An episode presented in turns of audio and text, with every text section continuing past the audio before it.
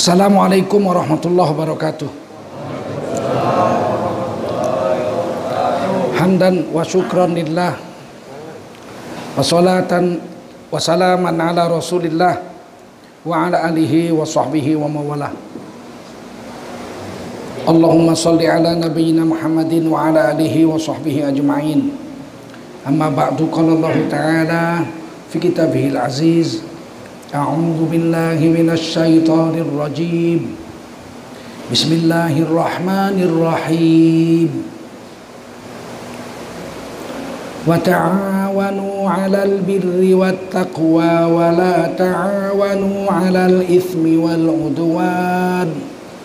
واتقوا الله إن الله شديد العقاب. Qala Rasulullah sallallahu alaihi wasallam man kharaja fi talabil ilmi fahuwa fi sabilillah hatta yarji. Baginda Rasul bersabda siapa keluar untuk mendapatkan ilmu orang itu adalah orang yang berjihad fi sabilillah sampai dia kembali ke tempatnya. Mudah-mudahan kita semua mendapatkan pahala jihad dari Allah Subhanahu wa taala. Amin. Shadaqallahul azim wa sadaqa rasuluhun nabiyul karim. ونحن على ذلك من الشاهدين والشاكرين والحمد لله رب العالمين Para ulama, tuan-tuan guru yang dimuliakan Allah SWT Bapak-bapak, ibu-ibu, hadirin wal hadirat Jamaah salat subuh, masjid muslimin Medan yang dimuliakan Allah SWT Wajiblah kita bersyukur pada Allah SWT Salawat dan salam kita sampaikan untuk baginda Rasulullah Sallallahu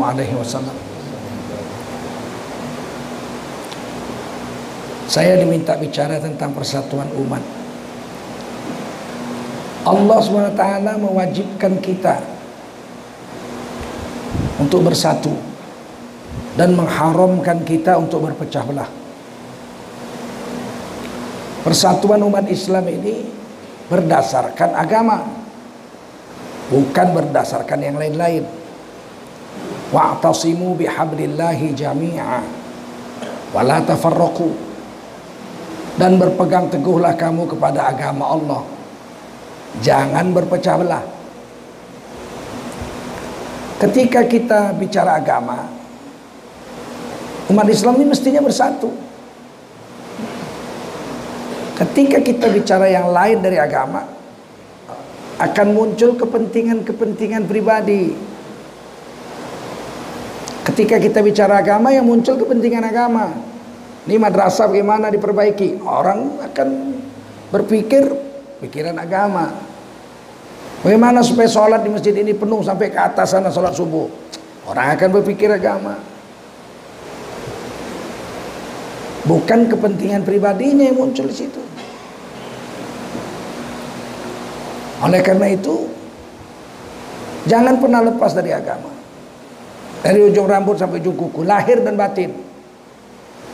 Ini sekarang ada komunis-komunis nih antek-antek PKI yang mengatakan kita itu agama kita supaya rusak.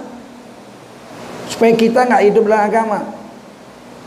Ketika ustadz-ustadz ulama-ulama cerita perempuan wajib pakai kerudung atau pakai jilbab. Kerudung nampak wajahnya, jilbab tutup wajahnya, cuma nampak matanya saja. Kalau kerudung di surah An-Nur ayat 31. Kalau cadar atau jilbab dalam bahasa Arab ada dalam surah Al-Ahzab ayat 59. Oh, ribut. Kita ini tidak mesti jadi Arab. Yang penting hati kita itu dijilbabi. Gimana menjilbabi hati? Pakai kulit kambing. Hati kok dijilbabi. Hati itu dibentuk supaya yakin kepada Allah dan Rasul. Yang dipasangi jilbab kerudung itu tubuh kita bukan hati kita. Kita jaga sholat berjemaah kata ulama. Sholat berjemaah 27 derajat lebih baik daripada sholat sendiri di rumahnya.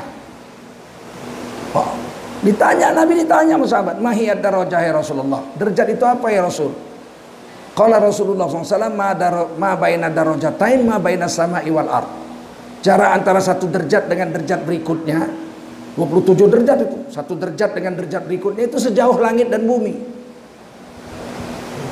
Tiba-tiba, wah nggak penting. Yang penting kita itu hati kita baik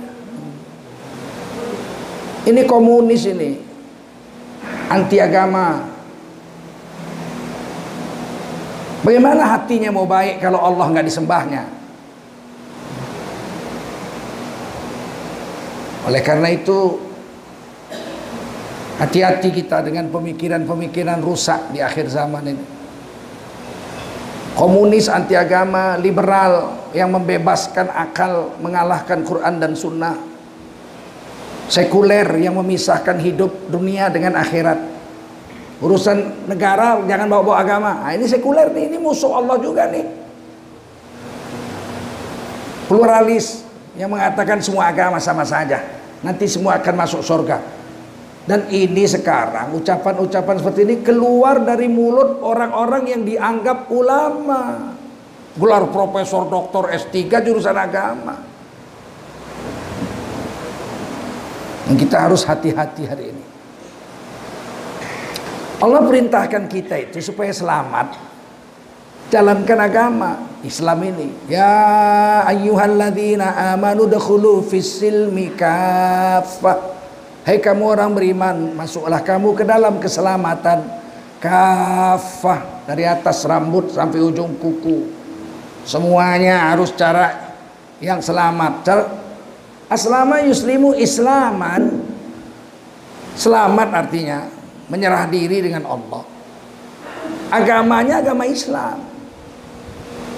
Tidak ada yang lain Inna dina indallahil Islam Agama yang diridhai Allah yang satu hanya agama Islam saja. Yang lain bagaimana? Enggak, enggak urus. Sekarang kita ini bukan negara Islam. Jangan bawa-bawa Islam bung. Ada banyak agama di sini. Nggak peduli kita itu. Kalau ditanya eh Tengku Zulkarnain agama apa paling bagus? Islam agama saya. Bagaimana dengan agama saya? Lakum dinukum waliyadin aku nggak urus agamamu. Paham? Paham nggak? Agamamu aku nggak urus kok. Kau tanya agamamu kok kau tanya sama aku? Kau tanyalah sama pendetamu. Kalau kau tanya sama aku Tengku Zulkarnain agama apa paling bagus? Agama Islam.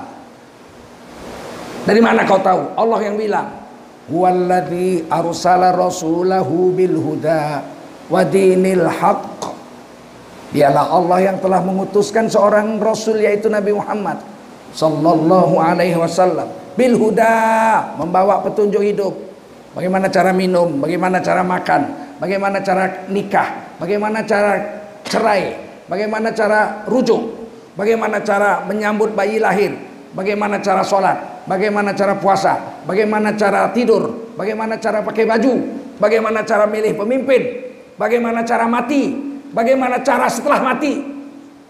Nah, semuanya ada dalam Islam itu. Ada petunjuk dari Nabi. Nabi itu datang bil huda bawa petunjuk, bawa hidayah. Wadinil haq dan membawa agama paling betul. Liyuzhirahu ala dini kullih agar Allah perlihatkan kepada seluruh agama yang lain yang ada di dunia ini agama Islam inilah yang paling betul walau karihal musyrikun. Walau penyembah banyak Tuhan orang-orang musyrik nggak suka benci nggak ada urusan. Tetap harus kita bilang siapa agama apa paling bagus? Agama saya agama Islam. Bagaimana dengan agama saya? Lakum dinukum waliyadin. Aku nggak urus agamamu. Kau urus sendiri agamamu. Itu harus sikap orang Islam itu harus begitu. Hari ini kita ditakut-takuti. Agama apa yang paling betul? Agama Islam. Anda telah menghina agama saya. Loh, apa urusannya? Anda bilang agama Anda paling betul berarti agama saya tidak betul. Gak ada urusan saya dengan agamamu. Agamamu kau bilang paling betul silakan aja nggak apa-apa. Ini kita ditakut-takuti. Kalau kita bilang agama Islam paling betul berarti kita menghina agama lain. Kan gila ini. Nggak semua harus begitu. Kalau saya ditanya, siapakah wanita tercantik di dunia? Hei, Tengku Zulkarnain, saya akan jawab. Wanita tercantik di dunia adalah istri saya. Tiba-tiba tetangga saya demo, Anda telah menghina istri kami. Apa urusannya? Kalau Anda bilang istri Anda paling cantik berarti istri kami jelek semua. Apa urusan saya dengan istrimu?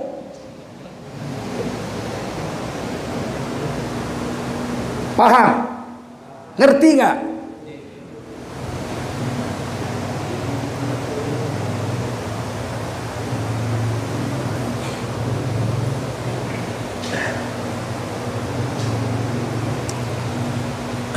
Nah Islam itu sempurna. Dalam agama Islam itulah lebihnya Islam itu dari yang lain. Kalau yang lain ada cara kawin nggak ada? Apa cara kawin. Mana ada cara kawin? Saya baca satu buku per, per, Pernikahan cara Yesus. Ketawa saya Kapan Yesus nikah Jadi nggak bisa. Agama lain itu ada kurangnya. Kalau Nabi Muhammad nikah ya jelas. Pernahkah Nabi menceraikan istrinya? Dalam kitab Kifatul Akhyar pernah. Anak Umar bin Khattab, Sayyidah Hafsah diceraikan Nabi. Kemudian dirujui oleh Nabi. Ada aturannya. Jelas. Anak angkat Nabi Zaid bin Harithah menceraikan istrinya, sepupu Nabi Zainab binti Jahash. Kemudian Allah perintahkan di Quran nikahi mantan istri Zaid itu disebut namanya Zaid. Satu-satunya sahabat yang namanya disebut di Quran Zaid bin Harithah radhiyallahu. Ada lengkap. Nah, itu hebatnya Rasulullah, itu hebatnya Islam. Mau cara apa? Cara makan ada. Aturan makan aja berapa puluh Ya ayyuhalladzina amanu. Hai kamu orang beriman. Ya ayuhan nas Hai manusia. Kulu mimma fil ardi halalan thayyiba Makanlah apa yang ada di dunia. Jangan mimpi makan yang ada di planet. Mimma fil ardi yang ada di dunia ini aja kau makan. Halalan Yang halal. Cukup yang halal? Enggak cukup. Thayyiban Yang baik Udah tahu kolesterol tinggi, makan otak kambing tiga piring. Kan halal, ya kambing halal. Tapi kalau orang udah kolesterol tinggi macam ente, makan otak kambing tiga piring, besok mencong mulutnya. Tidak baik. Ulu wasrobu wala tusrifu. Makanlah kamu, minumlah kamu wala tusrifu. Jangan berlebih-lebihan. Inna Allah la yuhibbul musrifin. Allah nggak suka orang berlebih-lebihan. Kan diatur makan itu. Sudahlah yang di dunia, yang halal, yang baik, jangan congok. Tahu congok? Rakus. Musrif, musrif itu berlebihan banyak. Banyak macamnya, mukhtalifun alwanuh. Bermacam-macam makanan di meja makannya. Soto aja sampai tujuh. Soto Medan, soto Betawi, soto Bangkong, soto Madura, Sambal aja sambal setan, sambal belacan, sambal macam-macam banyaknya bukan main itu. Itu berlebih-lebihan Allah nggak suka. Atau jenisnya cuma dua nasi sama sayur kangkung tapi dua bakul. Allah nggak suka. Udah diatur lagi mana Nabi. Cuci tangan sebelum makan, duduk waktu makan, jangan berdiri. Berapa banyak sekarang ulama mestakan anak, tamunya disuruh makan berdiri semua macam Yahudi. Ulama. Ngawinkan anak tamunya suruh berdiri makan semua macam Yahudi. Sedangkan kita disuruh makan itu duduk. Tadi sediakannya itu duduk. Ulama. Ahli agama. Suruhnya orang makan berdiri. Lebih baik kita nggak usah makan. Karena melanggar sunnah Rasulullah SAW begitu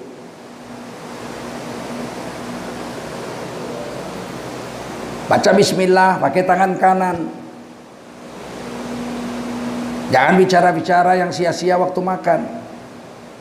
Setelah selesai makan cuci tangan. Jalan kaki berapa meter? 100 meter, 300 meter. Ucapkan alhamdulillah. Nah, diatur makan bukan saya enak-enaknya kita. Ini Islam. Dan kita disuruh masuklah dalam Islam itu 100%. Dalam keselamatan. Jangan separuh-separuh. Mau mati baru pakai Islam. Mau kawin baru pakai Islam. Giliran milih pemimpin lu jangan bawa-bawa agama, ini urusan kami. Siapa mau kami pilih terserah kami. Ya Allah. Kota Medan ini 70% orang Islam.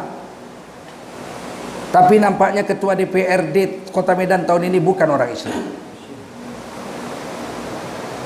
Tahun lalu Provinsi Sumatera Utara itu 70% orang Islam.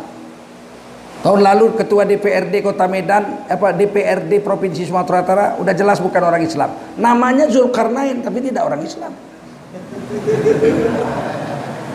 Dan dosanya kalian yang nanggung semua, kalian orang Medan. Kalian orang Sumatera Utara, aku dah KTP Jakarta. Sejak tahun 99 saya sudah pindah Jakarta. Kalian tanggung jawab di akhirat, aku enggak. Oh ini kan negara kita bukan negara Islam, kita negara Pancasila. Tapi negara kita menjamin tiap-tiap warga negara untuk menjalankan agama masing-masing. Betul nggak? Kenapa kau nggak jalankan? Pasal 29 ayat 2, negara menjamin tiap-tiap warga negara untuk memeluk agama garis miring kepercayaan dan menjalankan agama garis miring kepercayaannya masing-masing. Negara menjamin orang Islam menjalankan syariat Islam 100%. Mulai dari makan, minum sampai mati sampai milih pemimpin, kenapa nggak dibuat?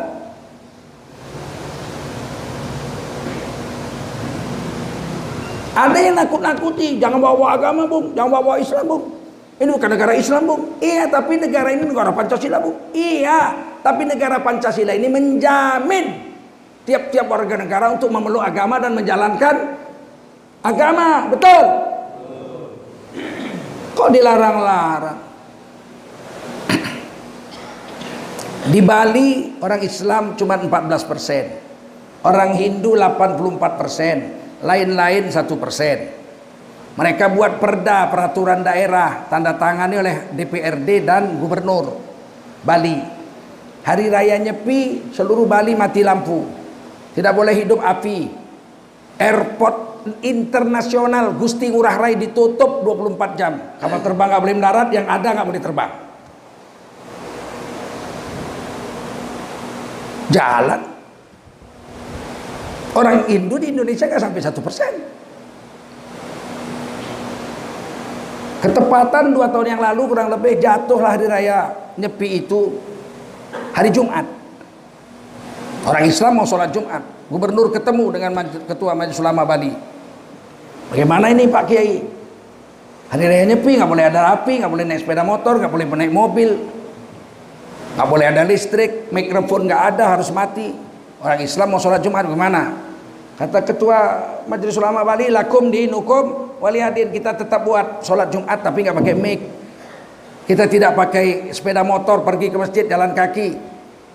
Imamnya pun nggak pakai mikrofon. Asli aja kayak alam. Kenapa? Karena kami menghormati kalian orang Hindu. Sedang hari raya Nyepi. Boleh nggak sampai satu persen di Indonesia mengamalkan agamanya 100 persen. Boleh. Nggak ada di dunia ini airport ditutup 24 jam. Ada? Di India aja nggak ada. 90% orang India Hindu. Di Indonesia kok boleh? Karena di Indonesia ini negara menjamin tiap-tiap warga negara untuk memeluk agama dan menjalankan agama. Giliran kita aja orang Islam mau menjalankan agama sekarang udah dikejar-kejar. Dibilang radikal, anti persatuan. Seolah-olah Islam ini jahat. Ini yang kalian harus pikir. Agama Islam ini bukan sekedar cuma sholat, puasa, zakat, bukan. Tapi dari ujung rambut sampai ujung kuku.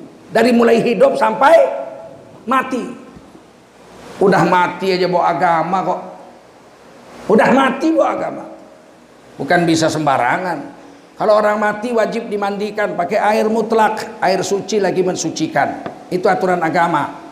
Nggak boleh kita tukar saudara-saudara Berhubung saya orang kaya, direktur utama PT Pertamina, bapak saya meninggal dunia pagi ini, maka siang ini akan saya mandikan pakai Pertamax Turbo.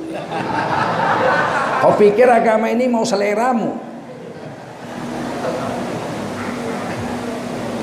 Nah inilah bapak-bapak kami ini ceramah ke mana-mana ini ini yang penting orang Islam ini mengerti hak dan kewajibannya sebagai hamba Allah sebagai umat Nabi dan sebagai bangsa Indonesia. Nggak ngelanggar hukum agama, nggak ngelanggar hukum negara kok kita sekarang dicurigai. Di ELC dibilang salah satu ciri-ciri radikal yang saya hadir waktu itu. Menolak calon presiden dan calon pemimpin yang bukan orang Islam. Itu radikal kan kurang ajar itu. Di mana ada di Indonesia calon selain daripada orang Islam ditolak? Nggak ada. Orang Islam nerima aja. Ahok misalnya kan bukan orang Islam. Dicalonkan jadi gubernur Jakarta. Yang nyalonkannya P3. Gila nggak? Lambang Ka'bah. Kita ribut nggak? Nggak ribut kita silakan aja kalau mau nyalon kau calon kalau dirimu nggak apa-apa. Tapi giliran milih itu hak kita, betul? Milih itu hak kita nggak ada yang boleh maksa.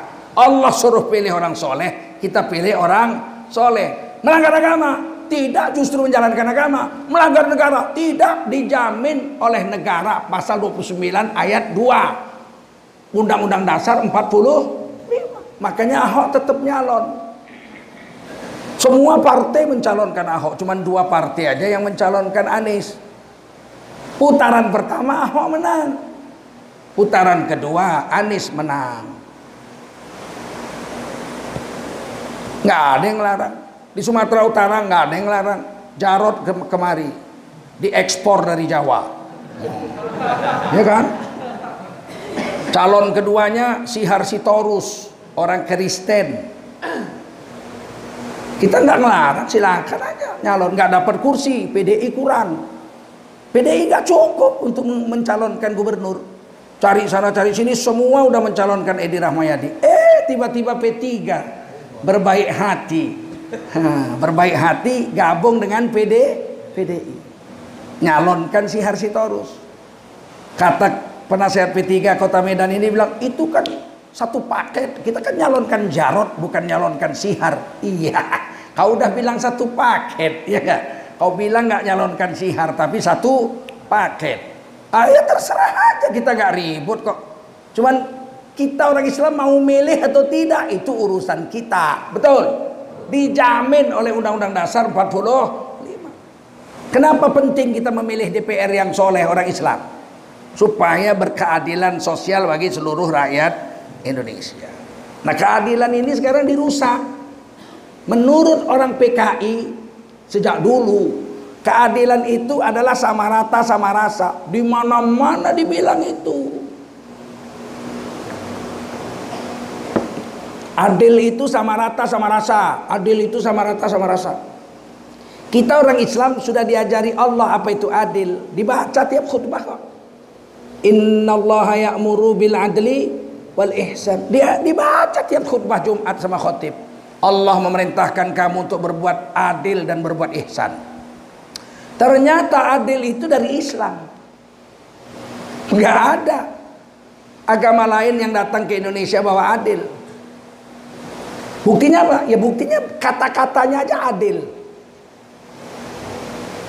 Dan 700 bahasa di Indonesia dari Aceh sampai Papua. 700 bahasa daerah lebih tidak ada satupun yang punya kata-kata yang sama artinya dengan adil. Nggak ada. Berarti kan Nusantara ini nggak kenal adil sebelum orang Islam datang. Ini logika, betul.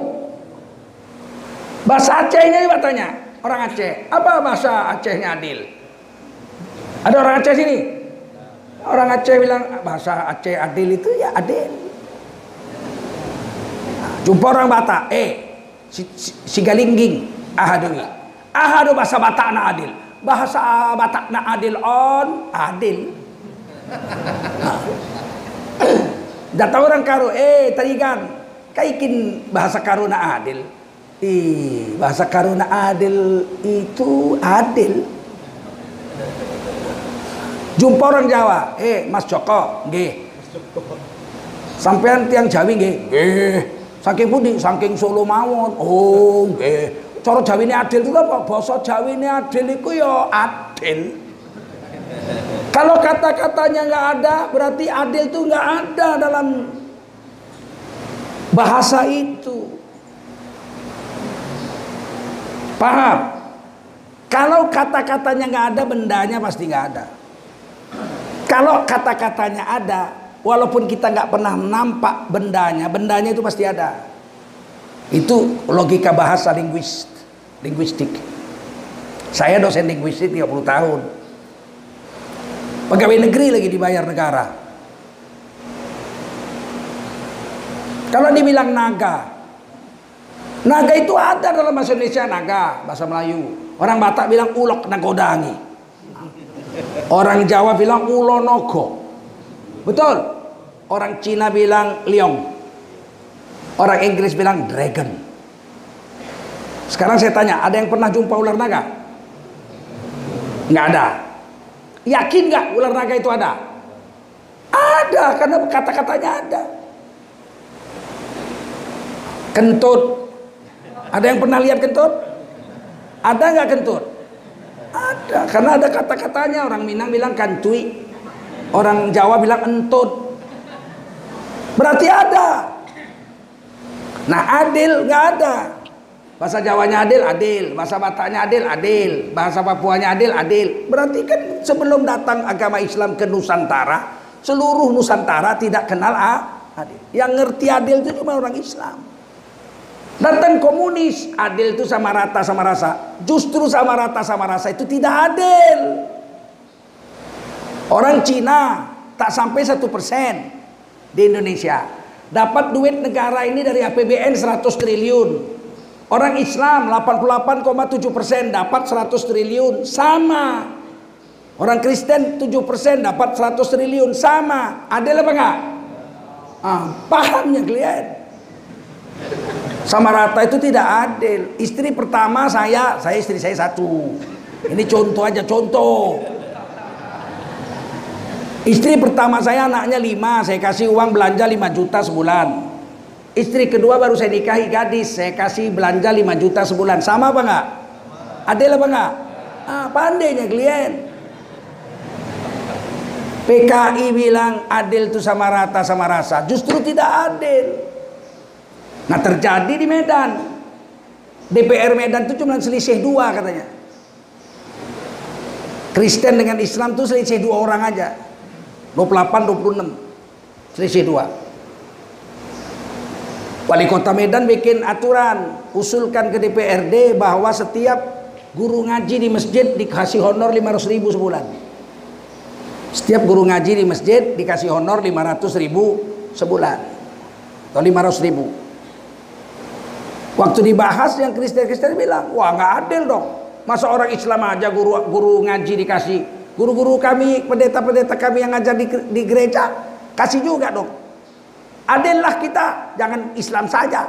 Ya sudah adil. Nah, berapa dapat pendeta yang ngajar di gereja? 500 ribu juga. Sama. Kita harus adil. Sama itu tidak adil. Guru ngaji di masjid ngajar anak-anak ngaji itu 26 hari satu bulan. Cuma libur malam ahad. Betul. Sedangkan pendeta ngajar ngaji di gerejanya hanya empat kali sebulan. Hari minggu saja. Gaji sama 500 ribu. Adil kepala tuh kau adil.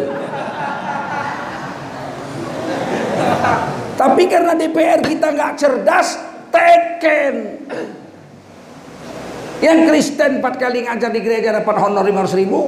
Yang Ustadz ngajar setiap malam 26 hari dalam sebulan dapat 500 ribu. Adakah ini adil?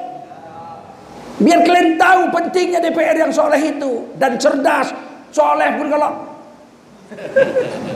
untuk apa kalian pilih orang soleh tapi cuma tejulur aja Tuhan? Apa gunanya? Cerdas, berani berjuang. Ini bicara aja nggak berani. Kita jangan jangan keras-keras. Ceramah itu harus adem, adem. Mau adem masuk kulkas kau. Sama otak-otakmu beku dibikinnya. Ini kita nggak ngerti. Kita ini orang Medan, buka kulit nampak isi, betul? Nggak pandai kita berminyak-minyak air. Kalau padi katakan padi, agar aku tidak tertampi-tampi. Kalau jadi katakan jadi, agar aku tidak ternanti-nanti. Begitu. Orang Islam tuh, orang Medan tuh begitu. Pinggan tak retak, nasi tak dingin. Sekali kau tak hendak, seribu kali ku tak ingin. Oh bukan penjilat orang Medan. Betul? Paham kalian?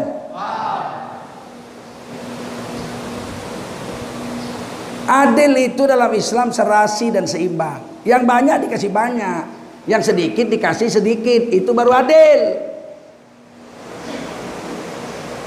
Kalau sama, tak adil. Saya bikin kopi, airnya segelas. Ini adil cara PKI nih, cara komunis. Airnya segelas, kopinya segelas, gulanya segelas. Aduh, minumlah kalau nggak mendelik mata. Bukan itu adil, itu nggak adil itu. Adil dalam Islam itu serati seimbang. Airnya segelas. Kasih banyak airnya segelas. Gulanya sesendok setengah. Kopinya sesendok. Aduk rata. Minum. Jelas lebih enak. Biar paham kalian agama nih. Nah kita masuk ke dalam Islam nih jangan tanggung-tanggung, paham? Kalau kita masuk Islam jangan tanggung-tanggung semuanya. Lahir dan batin. Lahirnya perlu, batinnya juga perlu. Sekarang inilah yang penting itu kan batin, yang penting hatinya. Hatinya itu yang penting hatinya dijilbabi, kepala nggak usah. Iya. Orang hidup hakikat saja nggak pakai syariat, gila itu. Yang penting kan pakaian itu dalam hati. Ah, cobalah beli sate ke simpan sungai Sekambing sana, telanjang bulat kau. Kalau nggak dibawa kau ke rumah sakit gila. Syariat itu penting, betul. Hakikat itu penting, dua-duanya jalan. Syariat yang bertahun-tahun dijalankan, hakikat yang bertahun-tahun muncul ma'rifat. Mana bisa dipisah-pisah. Sedangkan kita makan nasi aja pada hakikat makan itu muncul karena syariat yang bertahun-tahun. Kecil dipaksa kita makan nasi sama ibu kita. Dibikinkan bubur nasi disaring, masukkan ke mulut kita. Dipaksa masuk. Udah makin besar bubur kasar, makin lama-lama besar nasi. Dipaksa nggak makan nasi dicubit. 20 tahun kemudian muncul hakikat bahwa yang namanya makan adalah makan nasi. Ya itu udah hakikat hati kita.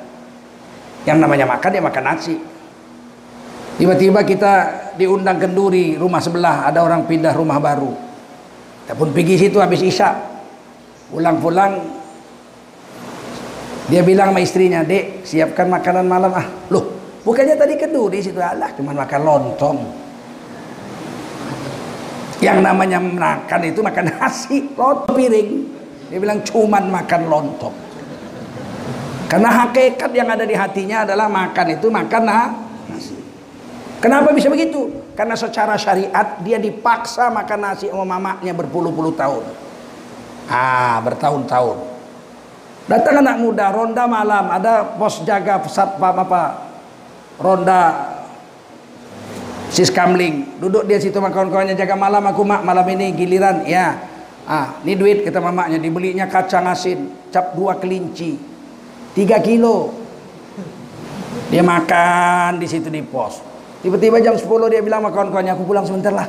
10 menit aja. Pulang lari-lari dia ke rumahnya. Mak makan mak. Loh bukannya aku tengok kau tadi makan? Cuman kacang mak. Makan kacang mak. Belum makan nasi. Berapa banyak kacang kau makan? 3 kilo. Syariat. Jangan anggap enteng dengan syariat. Hakikat itu muncul karena syariat. Nggak ada syariat mana muncul hakikat. Orang barat karena tiap hari secara syariat dipaksa mamaknya makan kentang. Sehingga dia mengatakan makan itu adalah makan kentang. Biasa aja itu. Oleh karena itu betul-betul kita amal agama ini siap insya Allah. Nah, kemudian satukan langkah. Kalau kita pecah-pecah nggak bisa, nggak hebat kita. Kita ini 230 juta orang Indonesia Islam. Dari 262 juta rakyat Indonesia sekarang, 230 jutanya orang Islam, 88,7 persen. Tapi nggak ada kekuatan apa-apa karena kita tidak bersatu. Nabi SAW pertama menyatukan potensi umat. Itu Nabi itu. Begitu Nabi pindah ke Madinah, yang nomor satu Nabi lakukan adalah menyatukan potensi umat. Itu suku Aus dengan Khadraj, itu orang Arab yang ada di Madinah. Itu seribu tahun diadu domba sama Yahudi. Yahudi duluan datang ke Mekah, ke Madinah itu. Pulang haji bersama Nabi Musa. Mereka udah tinggal situ Bani Nadir dengan Bani Quraidah mau menunggu Nabi akhir zaman. 2000 tahun kemudian baru Nabi Muhammad datang. Seribu tahun setelah Yahudi datang orang Arab dari Yaman, suku Aus dengan Khadraj. Itu diadu domba terus tiap hari sampai perang tiap hari dipecah belah. Ini kebiasaan Yahudi. Di Indonesia sudah mulai nampak tuh. Ikutilah Islam yang adem, ulama yang adem, ulama Nusantara. Jangan ikuti ulama yang ke Arab-Arapan. Ini kan sama bah Yahudi ini. Nanti kalian akan jadikan Indonesia ini menjadi Suriah hancur tembak-tembakan bunuh-bunuhan pembohong kau mana bisa Indonesia jadi Suriah? Suriah itu penguasanya Syiah Nusairiyah. Dan dulu namanya Hafid Al-Assad sekarang Bashar Al-Assad anaknya. Setiap pemilu menang terus padahal orang Syiah cuma 20 persen. 80 persen lagi ahlu sunnah wal jamaah. Kalau jujur pasti kalah dia. Mana mau orang ahlu sunnah milih orang Syiah? Sebagaimana orang Syiah tidak akan mau memilih orang Sunnah, betul?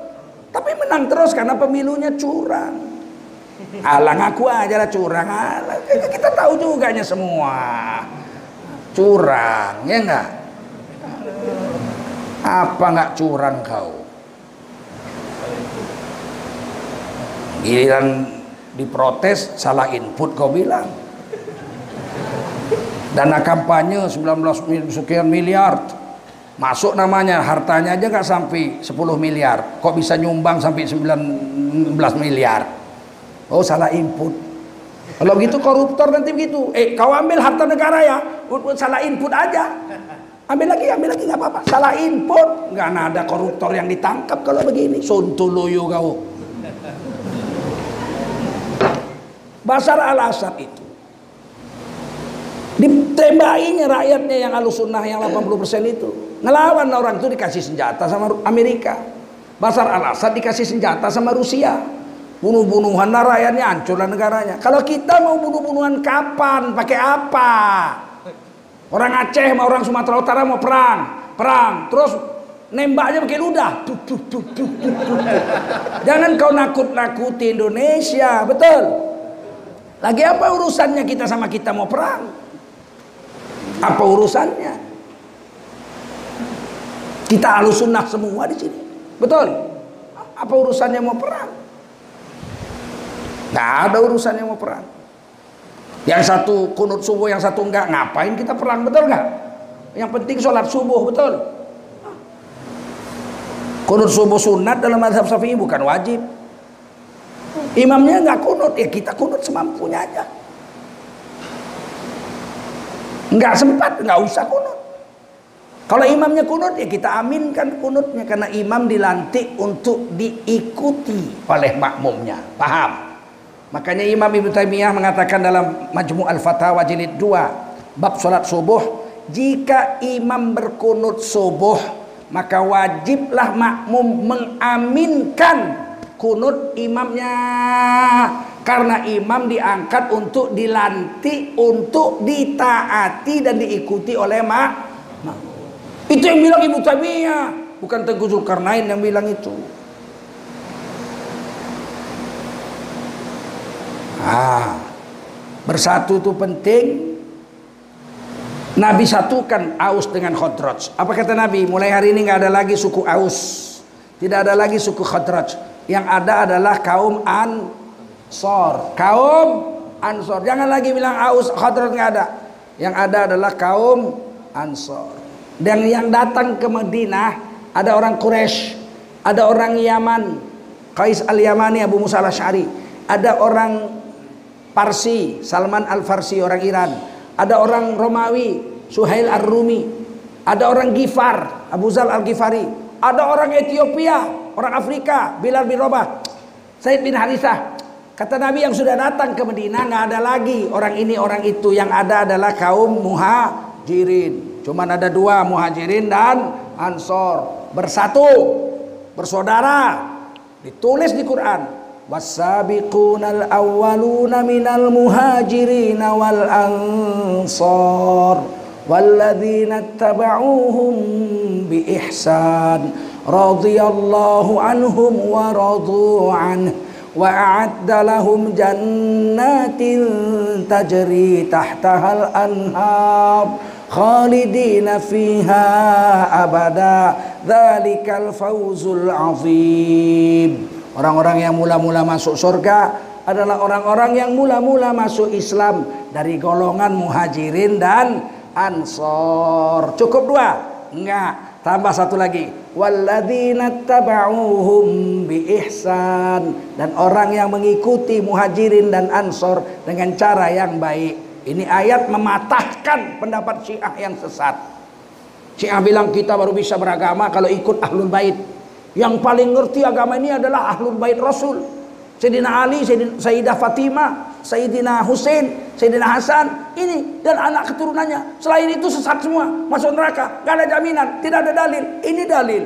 Siapa mengikuti muhajirin ansor dengan cara yang baik, radhiyallahu anhum wa an. Allah ridha pada mereka dan mereka ridha kepada Allah. Wa lahum jannatin tajri tahtahal anhar. Kepada mereka dijanjikan surga yang mengalir sungai-sungai di bawahnya Dzalikal fauzul azim. Mereka kekal khalidina fiha abada. Mereka kekal selama-lamanya dalam surga itu dan itu adalah kesuksesan yang agung, kemenangan yang agung. Muhajirin Ansor. Dalam solat suruh ucap Inna solati sesungguhnya solatku wa nusuki ibadahku wa mahyaya hidupku wa mamati matiku lillahi rabbil alamin. Semata-mata untuk Allah Subhanahu wa taala. La wa la syarikalah. Tiada syarikat baginya.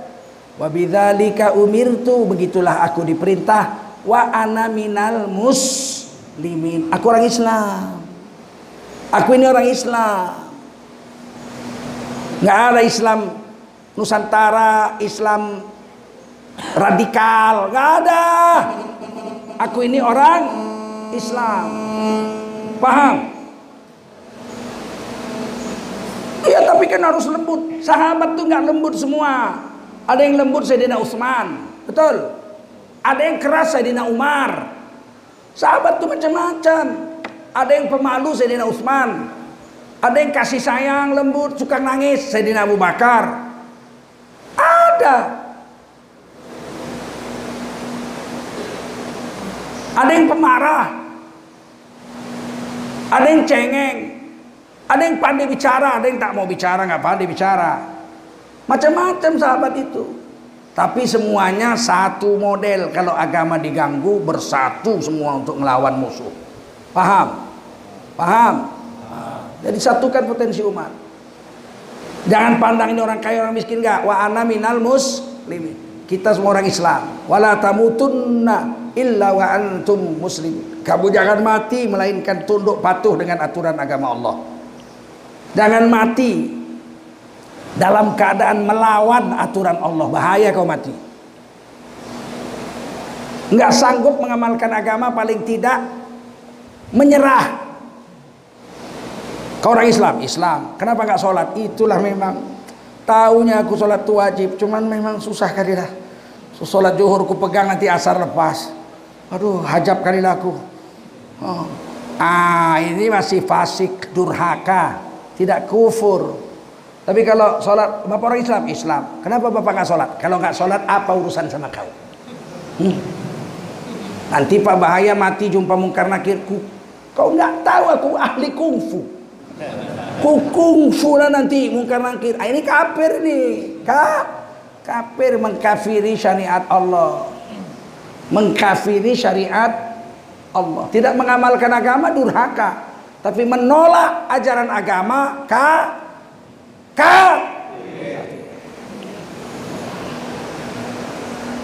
Kemudian Nabi menyatukan umat, kemudian Nabi menggali potensi yang ada.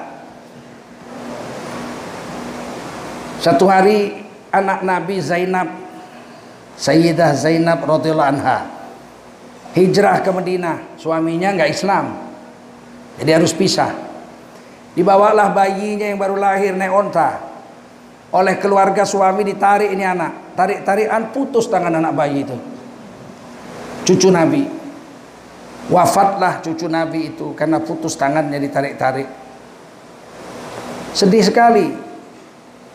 Sayyidah Zainab anak Nabi radhiyallahu anha ini belum pernah lagi keluar kota harus pergi sendirian menyusul ayahanda dari Mekah ke Madinah 521 km padang pasir naik onta sendirian. Dalam keadaan sedih duka menangis Sayyidah Zainab menjalankan ontanya. Tiba-tiba seorang pemuda menangkap kekang ontanya. Kemudian bertanya tanpa memandang nggak dipandang nggak mau ke mana? Kata Sayyidah Zainab saya menyusul bapak saya baginda Rasulullah SAW ke Madinah. Karena suami saya tidak Islam. Hmm, mari saya antar. Maka laki-laki ini memegang kekang tali onta itu dan menuntun onta itu sampai ke Madinah. 521 km sampai di Madinah laki-laki ini menyerahkan kepada Nabi Muhammad SAW ya Al-Amin Muhammad. Dia tidak sebut Rasul dia tidak Islam dia masih kafir. Ini anakmu saya antarkan dari Mekah. Terima anakmu ini. Dan saya akan kembali ke Mekah menyelesaikan kembali pekerjaan saya. Beliau adalah tukang pegang kunci Ka'bah itu beliau yang pegang. Belum Islam Nabi ditanya sama anaknya Sayyidah Zainab, bagaimana nak selama perjalanan? Ya Allah Bapak, itu laki-laki nggak pernah memandang saya sekalipun ke belakang. Terus lihat wajah ke depan saja, sekalipun aku tak pernah dipandangnya. Padahal nggak Islam nih laki-laki ini. Hebat sekali laki-laki itu. Ketika Fathul Makkah, Nabi bawa 10 ribu pasukan Mekah dikuasai semua orang masuk Islam termasuk yang memakan jantung Sayyidina Hamzah Hindun istrinya Abu Sofyan masuk Islam. Termasuk yang megang pincu Ka'bah itu Utsman bin Hunaif radhiyallahu anhu masuk Islam. Kemudian dia datang jumpa Rasul. Ya Rasul saya sudah Islam. Dipeluk Nabi. Inilah anak muda yang membawa anak saya dari Mekah ke Madinah. 521 km berhari-hari Jangankan bicara, nggak mandang wajah ke belakang pun tidak pernah. Dipeluk Nabi. Sayyidina Utsman bin Hunayf mengatakan ini kunci Ka'bah ya Rasul.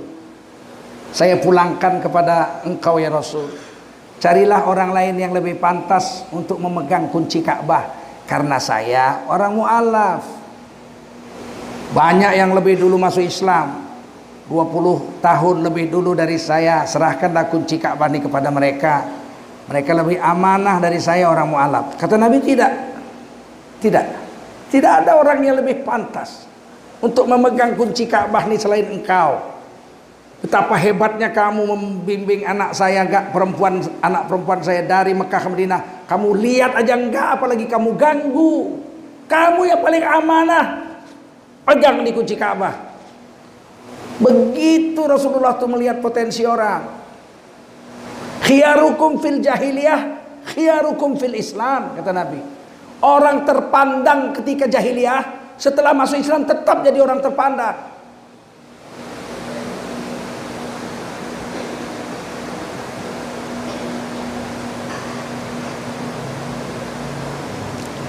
Satu hari Islam mau berperang, mau diserang musuh. Nabi siapkan pasukan, siapkan persiapan perang. Islam sudah maju waktu itu. Maka Nabi bilang sama kaum muslimin semua nyumbang untuk agama. Kita mau perang. Sayyidina Utsman datang bawa seribu kuda. Lengkap dengan seribu pedang dan pelananya. Kaya sekali Sayyidina Utsman. Beliau bawa itu. Ini ya Rasul. Untuk perang. Rasulullah terima dan didoakan Nabi itu ditulis dalam tafsir Sofwatut Tafasir karya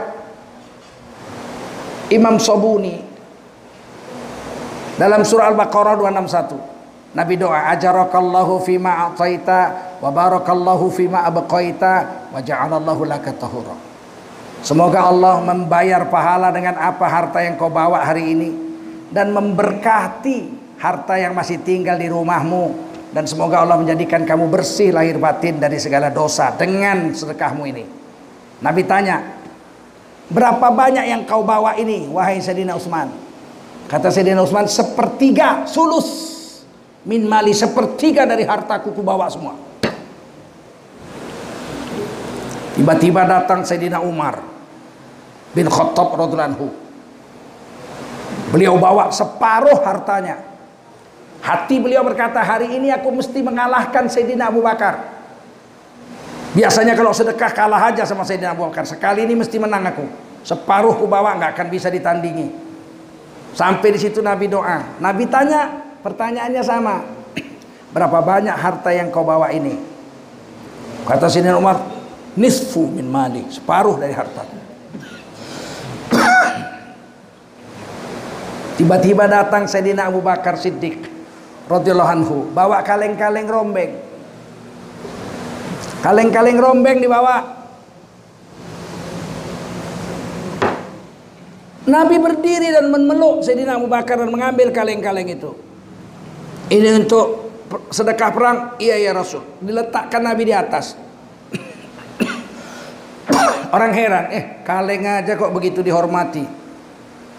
Nabi doa, selesai doa Nabi tanya. Pertanyaannya beda. Kalau Sayyidina Utsman berapa yang kau bawa? Sepertiga. Sayyidina Umar berapa yang kau bawa? Separuh. Nabi tanya sama Sayyidina Abu Bakar. Iya Abu Bakar.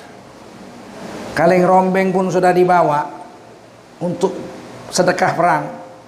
Apalagi yang kau tinggalkan di rumahmu untuk anak dan istrimu? Apalagi yang kau tinggalkan sana? Sayyidina Abu Bakar sambil menangis menjawab, tak ada lagi ya Rasul. Semua harta sudah kubawa. Yang kutinggalkan untuk Allah dan Rasul, yang kutinggalkan untuk anak istriku hanyalah Allah dan Rasulnya saja. Begitu. Tiba-tiba datang satu orang sahabat, tangannya nggak ada, putus sebatas siku, nggak punya tangan. Datang tertati-tati, di giginya ada satu kerompol segerompol satu apa setangkai korma digigitnya berdarah-darah mulutnya bibirnya luka-luka giginya berdarah-darah digigitnya korma setangkai hmm. katanya sama Rasul hmm, hmm.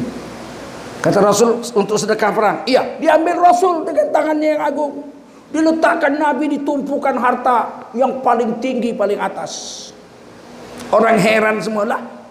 Segerompol korma aja diletakkan begitu istimewa. Nabi lihat sahabat ini mulutnya berdarah-darah. Tangan putus, nggak punya tangan. Apa yang Nabi tanya? Bukan berapa yang kau bawa, berapa yang kau tinggal, bukan. Nabi bilang, dari mana kau dapat korma ini? Sahabat ini menangis dan dia bilang, Ya Rasul sedih kali hatiku. Setiap ada kesempatan bersedekah untuk agama, tak pernah aku bisa bersedekah. Karena aku orang cacat. Hari ini aku datang ke rumah Yahudi, kawanku. Ku bilang sama dia, aku mau kerja mengambil upahan Rasulullah perlu harta untuk perang. Kata sahabatku itu, orang Yahudi itu, kerja apa yang bisa kau buat? Kau nggak punya tangan. Biar aku nyiram kormamu lah. Bagaimana kau mau menimba? Kau nggak punya tangan. Kau lihat aja lah nanti ku timba. Kau bayar ya. Iyalah kalau kau kerja ku bayar. Ditimbanya air pakai giginya. Digigitnya timba itu, ha. pakai giginya, ditariknya, dipijatnya pakai kakinya. Hmm, ditariknya sampai berdarah-darah bibir dan giginya itu. Dapat setimba. Diambil sama Yahudi itu disiramkan ke pohon korma dikasih Yahudi itulah setangkai korma inilah upahnya untuk kau kita berkawan. Ah, itulah ya Rasul. Ku dapatkan korma itu untuk agama. Bayangkan hebatnya potensi. Diterima sama Nabi dan Nabi bangga. Tidak ada yang ketinggalan dalam upaya membela agama. Dari yang paling kaya sampai yang cacat sekalipun mereka berpikir bagaimana saya bisa ikut serta dalam urusan membela agama. Begitu. Kita hari ini agama dihina orang diam aja. Saya enggak mihak sana, saya enggak mihak sini. Dari mana kau belajar itu? Kalau agama membutuhkan kita, nggak ada netral. Agama dihina orang, hanya ada dua dalam Quran. Kau bela agama atau kau ikut penghina agama. Nggak ada netral. Lihat ayatnya, saya baca satu. Surah As-Saff. Ayat terakhir. Ya ayyuhalladzina amanu, hai kamu yang beriman, kunu ansarallah. Jadilah kamu penolong-penolong agama Allah. Jadilah kamu penolong-penolong agama Allah ini perintah. Kama qala Isa bin Maryam sebagaimana Nabi Isa alaihissalam anak Maryam berkata lil hawariyin kepada kaum hawariyun murid-muridnya 12 orang. Man ansari ilallah Siapakah di antara kamu yang mau membela agama Allah? Waktu itu agama sedang dihina. Orang Romawi menjajah Palestina. Ha, Mereka ini orang kafir nggak beragama Waktu itu belum Kristen mereka Mereka belum beragama Dihancurinya gereja-gereja orang Kristen. Sinagog-sinagog Yahudi itu kan batunya besar-besar. Batu di sana itu semeter kali dua, dua meter kali tiga meter batu untuk dinding. Termasuk Masjidil Aqsa itu sekarang dindingnya begitu, dua meter kali tiga meter, tiga meter kali empat meter dindingnya. Bukan batu bata, batu gunung itu besar-besar disusun. Diambilin itu, dihancurkan sinagog gereja-gereja dijadikan untuk musolium untuk kuburan raja-raja mereka atau untuk tempat olahraga gladiator. Olahraga digalakkan olahraga dihancurkan rumah ibadah. Kata Nabi siapa yang mau bangkit membela agama Allah? Man ansari ilallah. Qala qala al hawariyun berkata kaum hawariyun murid Nabi Isa itu nahnu ansarullah kami yang membela agama Allah maka mereka pun pergilah ke kampung-kampung memberitahu kepada orang-orang Bani Israel. Siapa bela agama Allah? Siapa yang bangkit mau bela agama Allah? Fa'amanat ta'ifatum min Bani Israel. Bangkitlah sebagian orang Israel memenuhi panggilan Nabi Isa dan murid-murid Nabi Isa kaum Hawariyun. Mereka bela agama. Wa ifah sebagian lagi mengkafiri perintah ini. Menolak nggak mau bela agama.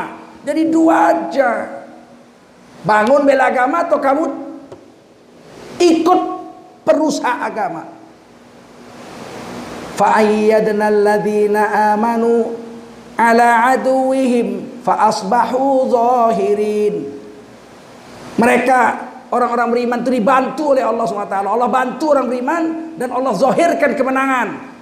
Walaupun segala kekuatan ada di sana. Raja Romawi sana menghancurkan agama. Panglima-panglima yang punya pedang tajam sana. Konglomerat-konglomerat yang punya harta di sana. Jenderal-jenderal, perwira-perwira di sana. Yang di sini 12 murid Nabi Isa. Ditambah orang-orang kecil-kecil buruh-buruh kuli-kuli. Secara akal kalah kita mesti. Tapi ternyata Allah menangkan yang kecil-kecil ini. Allah akan hancurkan orang-orang yang tidak berpihak dan menghancurkan dan menghina agama. Ini Quran yang bilang nggak bisa saya nggak mihak sana saya nggak mihak sini saya netral. Netral di mana jalannya kau netral Sedangkan Nabi, ayat itu Quran Nabi bilang, "Man ra'a minkum mungkaran falyughayyirhu biyadihi." Kalau kamu melihat kemungkaran, wajib kamu tukar dengan kekuasaanmu. Fa'ilam yastati enggak mampu dengan kuasaanmu fabilisanihi. Pakai mulutmu berteriak kau. Lawan dengan mulutmu. Mulut pun takut nanti dibilang radikal, makar. Fabi qalbihi Fa'ilam yastati fabil qabihi. Hatimu minimal melawan. Padahal kaat aful iman dan itu iman paling lemah. Ngelawan dengan hati iman paling lemah. Ini hati pun gak ngelawan, malah menjilat ke sana. Bagaimana kalian?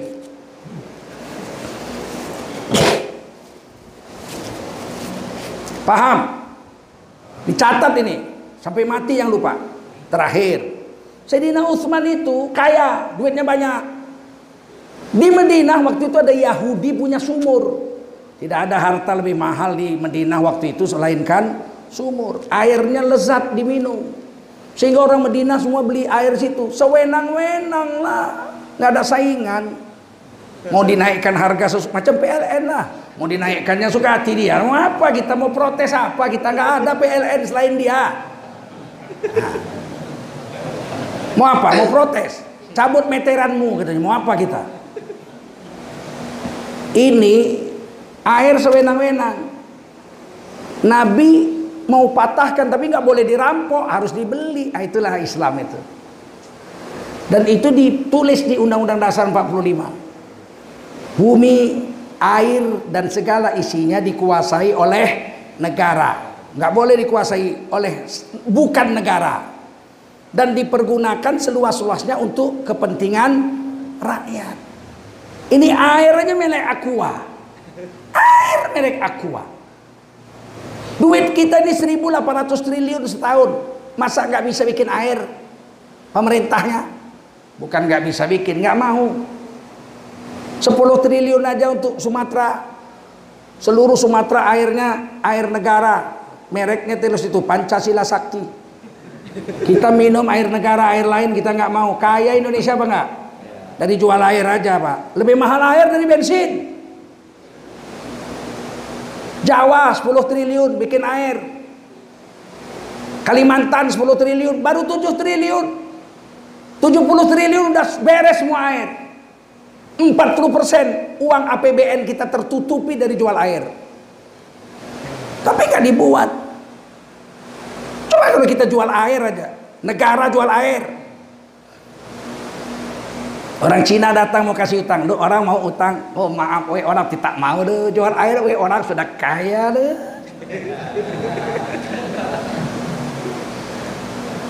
Nabi bilang sama Sayyidina Utsman, Sayyidina Utsman beli sumur Yahudi itu. Kata Sayyidina Utsman mana mau dia menjualnya. Itu aset paling mahal kata Nabi kalau beli itu bawa duit. Goncangkan jiwanya itu. Datang Sayyidina Utsman bawa emas. Satu pundi-pundi itu ha. Bertamu ke situ, eh apa kabar? Bagus, kan kenal kawan. Duduk duduk cerita berap ditaruhnya di atas meja. Uh, apa itu? Duit. Duit perak, dirham atau duit emas, dinar. Dia emas lah, ha? kuning langsung mata Yahudi itu. Ya. Banyak sekali emas ini. Iya. Untuk apa ini? Untuk beli sumurmu. Ah, nggak saya jual. Ini kau 10 tahun belum tentu dapat kau emas sebanyak ini jual air itu. Memang kau kaya tapi belum tentu dapatmu 10 tahun sebanyak ini. Ini sekarang kau dapat, nggak nunggu 10 tahun sekarang nih, nih ambil. Goncang juga. Jadi kalau mau beli harta orang tuh bawa duitnya. Pak, rumah bapak mau dijual? Enggak katanya. Sampai kiamat dia nggak mau jual. Datang ke rumahnya bawa koper. Cerita-cerita minum teh apa itu? Duit. Ah masa duit sekoper? Nah duit, nah duit. Itu apa? Beli rumahmu. Wah nggak bisa tidur dia tiga hari. Itu cara cerdas. Sekarang yang mengamalkan itu orang Cina. Iya, Bapak jual rumah lo. Ini ada cek lah. 2 miliar. Kata Yahudi itu nggak bisa saya jual. Ini harta saya. Tapi beginilah. Saya jual separuh. Saya Utsman bilang saya beli separuh. Separuh. Kata Yahudi itu, ya saya beli separuh. Pakai duit ini. Bagaimana sumur dibeli separuh? Begini, Senin kamu yang jualan, duitnya untuk kamu. Selasa saya yang jualan, duitnya untuk saya. Rebu untuk kamu, kamu yang jualan, kamu ambil. Kemis saya yang jualan untuk saya duitnya. Jumat untuk kamu, Sabtu untuk saya. Oke. Diambillah duit itu orang cuma jual separuh kok. Tanda tangan. Deal. Datang saya di ya Rasul sudah dibeli.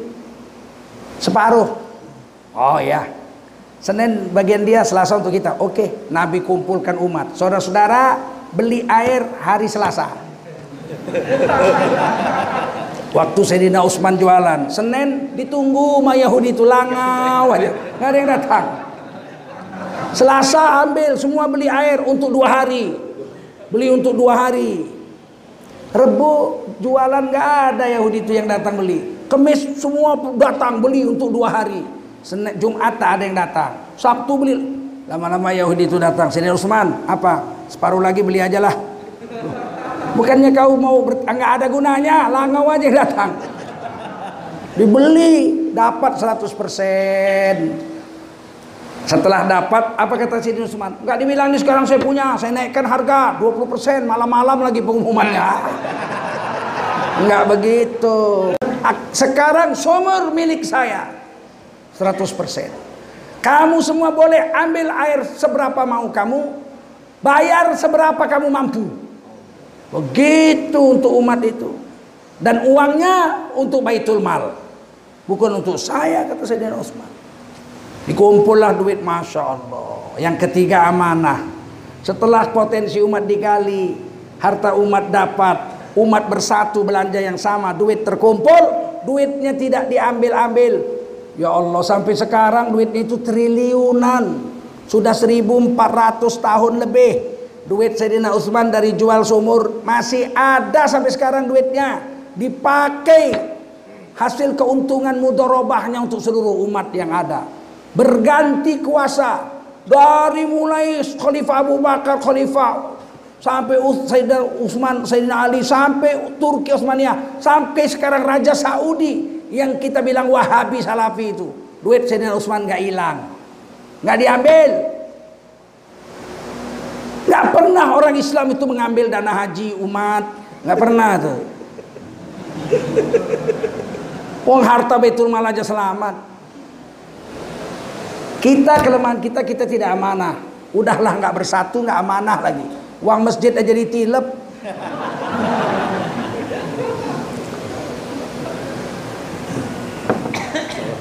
Sampai sini ya. Hmm, jadi kita bisa bersatu Mulai besok belanjalah di warung tetangga saja, jangan belanja di mall-mall. Orang Islam itu 230 juta. Seandainya satu orang 17 ribu, 17 ribu, sebu, sebulan 500 ribu. Untuk makan, beli kecap, beli minum, 17 ribu, 17 ribu, 17 ribu, 17 ribu, 17 ribu. Satu bulan 500 ribu. Itu berarti orang Indonesia sudah mengeluarkan uang untuk negara Indonesia ini sebanyak 115 triliun sebulan. Banyak banget. Tapi kini kan sekarang duit itu untuk orang. Pergi ke mall entah siapa pun yang punya. Beli telur sama tetangga. Ini sama tetangga. Beli kecap sama tetangga. Nggak ada barangnya. Ke pasar tradisional. Pasar Sungai Sekambing. Pasar Helvetia. Pasar itu Kampung Lalang. Jangan ke sana, duitnya sama dia semua sampai maret-maret dibikinnya semua sampai tempat monyet kawin pinggir hutan ada maretnya. Siapa yang punya nggak tahu kita satukan langkah belanja sama orang Islam saja siap siap nggak kalau satu juta rata-rata ada yang 500 ada yang sejuta ada yang tiga juta ada yang lima juta sebulan kalau dirata-ratakan sejuta orang Islam ini belanja satu bulan itu 230 triliun sebulan Coba kalau itu hanya untuk tetangga-tetangga saja. 10 tahun semua orang Islam kaya. Yang pedagang-pedagang. Nggak bangkrut. Ngerti? Yang laki-laki saya pesan berhenti merokok. Saya baca dalam berita. Rokok itu satu tahun mereka cetak 157 miliar batang. 157 miliar batang rokok setahun. Kalau sebatang berapa harga rokok sebatang? Aku nggak pernah merokok. Berapa? Seribu. Itu berarti 157 triliun duit kita diambil sama Cina-Cina yang punya pabrik rokok. Dia nggak merokok, Pak. Mana ada yang punya pabrik rokok merokok? Kita merokok duit itu 157 miliar Batang itu 157 triliun setahun duit kita sama dia. Dan menurut penelitian 70% perokok di Indonesia adalah orang miskin. Sontoloyo betul. Orang kaya enggak pak. Saya ini kan direktur di salah satu perusahaan besar. Kami kalau rapat nggak ada satupun yang merokok. Tapi kalau turun ke bawah, office boy, satpam, tukang ojek pada merokok semua. Menteri-menteri nggak ada merokok. Gubernur nggak merokok, gubernur Sumatera Utara nggak merokok. Sebab tahu itu bahaya selain kesehatan bahaya, duit habisnya ke sono. Paham? 21 hari kita berhenti merokok. Racun yang menyebabkan kita candu rokok itu namanya nikotin. Dia akan keluar lewat air seni dan keringat. Hari ke-22 kita tidak candu lagi. Jangan berdebat soal hukum. Semua akal kita nerima rokok itu tak baik. Betul nggak? Ada yang bilang merokok baik. Kalau merokok baik, kumpulkanlah anak kita. Lima-lima, nah sebatang-sebatang. Nah ini baik nak, baik ini baik, baik. Jangan mendustai hati nuranimu, betul nggak? Kalau baik kan kita suruh anak kita nak sholat nak karena baik, ya enggak? Puasa Ramadan kau nak, masih kecil bu ya separuh hari sampai juhur aja. Karena puasa itu baik, betul nggak? Baca Quran kau nak, karena itu baik. Kalau kau baik kan bagi ya nggak? Satu hari tiga batang ya nak, masih kecil. Nanti kalau udah besar tiga bungkus gitu. Jangan kalian menipu diri sendiri. Dah sampai situ aja. Mari kita kumpulkan duit. Madrasah kita sedang membangun. Jangan ada yang nggak ngasih kalau untuk agama. Semua harus ngasih. Kalau itu udah jadi nanti nggak perlu lagi minta-minta. Jadi kita memberi. Kalau kelebihan boleh ambil baliknya. Masukkan 100 ribu, pulangnya 70 ribu, boleh. Asal jangan masuk 50, pulang 200. Ha, siap. Mana kotaknya?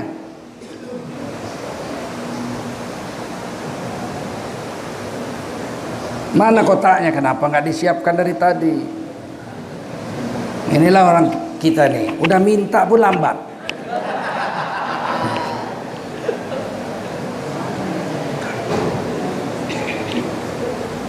Serban aja serban. Ah oke. Okay. Salatullah, bukan begitu caranya nak, dipegang, bawa. Ah, salatullah, salamullah ala toha Rasulillah Salatullah Salamullah Ala Yasin Habibillah. Salatullah Salamullah Ala Toha Rasulillah.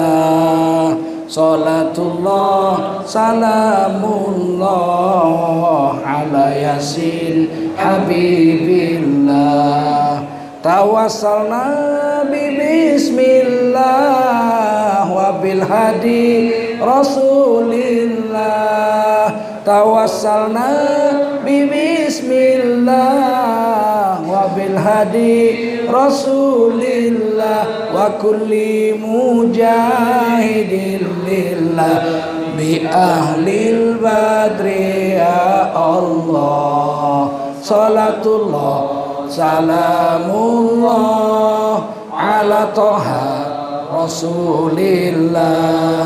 Salatullah salamullah ala yasin habibillah. Ilahi sallimil ummah minal wa nikmah. Ilahi sallimil ummah minal afati wan nikmah wa min hammi wa min hummah bi ahlil badri ya Allah. Salatullah salamullah ala toha rasulillah Salatullah salamullah ala yasin habibillah. Salatullah salamullah ala yasin habibillah. Allahumma salli wa sallim wa barik alaih. Kita mau ke airport Jadi nggak bisa tanya jawab lah ya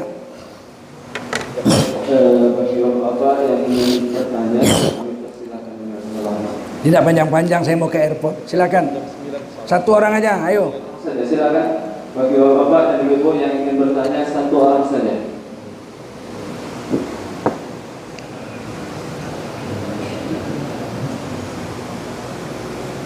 Assalamualaikum warahmatullahi wabarakatuh. Terima kasih kepada Ustaz yang menyempatkan kembali. Harapan kami jangan hanya sekali ini saja gitu ya. Amin. Insyaallah. Karena kami sangat membutuhkan bimbingan dan pengetahuan untuk menghadapi banyak fatwa kami. Ada mungkin tadi yang jadi tanda tanya bagi kami. Nah, mungkin kalau banyak orang dan durinya barusan kami dengar bahwasanya Ustaz ditahan gitu kan cuma mungkin barangkali itulah sebabnya kami doakan semoga Ustaz tetap konsisten dan sampai berubah sikap sehingga di akhir nanti khusus Madinah lalu apa tips bagi kami supaya iman dan takwa kami itu tetap konsisten seperti yang begitu luar biasa Ustaz.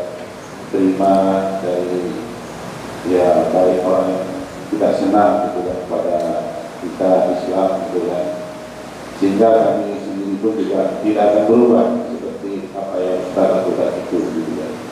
Yang bagaimana yang memang tadi kan ya sikap Ustaz ketika menghadapi permasalahan-permasalahan yang luar biasa itu sehingga kami semua itu juga bisa mengikuti seperti itu. Dan juga harapan kami ya umat Islam kali kita sudah berjuang untuk bersatu ternyata juga tidak bisa. Apa langkah lagi itu, itu supaya kita jangan sampai setelah terhadap yang mungkin barangkali belum nampak itu terang dari perjuangan itu. Demikian, Assalamualaikum warahmatullahi wabarakatuh. Waalaikumsalam. Pertama, yakinlah kalau kita berjuang dalam agama, mengamalkan agama, mengerjakan ajaran agama, itu semuanya kita bawa ke akhirat. Itu yang bikin kita yakin itu, yang bikin kita semangat. Puasa kita zikir, kita baca Quran, kita sedekah, kita bela agama, ucapan-ucapan kita, sikap kita konsisten dengan agama itu kita bawa ke akhirat. Kalau dunia ini tinggal, beli rumah, beli mobil, kawin lagi, nggak ada semua itu. Nggak ada istri kita mau dikubur sama kita waktu kita mati. Ada yang mau? Ibu, kalau kami suami ibu mati, ibu mau nggak dikubur hidup-hidup sama suami? Nggak mau. Tapi cinta, mau nggak? Nggak mau. Apalagi kami. Yang kita bawa itu agama, betul nggak? Oh, sudah. Kalau kita berdiri atas agama, yakin aja, nggak ada rugi. Kalau dibunuh gara-gara agama, banyak Nabi Yahya dibunuh gara-gara agama, Nabi Zakaria dibunuh gara-gara agama, Imam Nasai dibunuh gara-gara agama, Imam Hambali disiksa di penjara gara-gara agama. Apa urusannya? Nggak ada masalah. Buya Hamka di penjara gara-gara agama. Dituduh antek imperialis. Buya Hamka antek imperialis. Di penjara hampir 2 tahun sampai minum kencing di penjara karena nggak dikasih air nggak ada masalah biasa aja. Kenapa? Karena kita berdiri atas agama yang akan kita bawa ke akhirat. Kalau berdiri atas dunia rugi. Saya kalau gara-gara dunia di penjara nggak mau saya. Alah ruginya. Gara-gara dunia di penjara oh nggak mau. Tapi kalau gara-gara agama dibunuh pun nggak apa-apa. Orang dibawa mati kok ke akhirat. Nah itu. Paham? Nah, yang kedua kita ini Otak mereka ini sekarang isinya duit aja. Percaya? Sampai jual aset ke Cina segala macam mau. Ini kan karena otaknya duit. Dia pikir hebat duit. mengalahkan mereka itu pakai itu. Jangan sepeser pun duit kita jatuh ke dia. Mau kutunggu dulu lima tahun ini jadi apa dia. Paham? Jangan serupiah pun duit kita jatuh ke mereka. Beli telur sama Haji Kadir. Beli mie sama Empok Siti ha, beli pecal sama Wak Leha ha, beli kecap sama Haji Taufik. Beli garam sama Wak Sakerah. Mau tahu aku dulu macam mana nasibnya? Paham? Kalau nggak menjerit dia satu tahun ini aja. Satu tahun ini aja menjadi percayalah. Dan kalian jangan simpan uang di bank. Ada uang kalian beli emas sebatang 6 juta beli sebatang 10 gram. Ada uang lagi beli emas sebatang 10 gram. Jangan simpan uang di bank.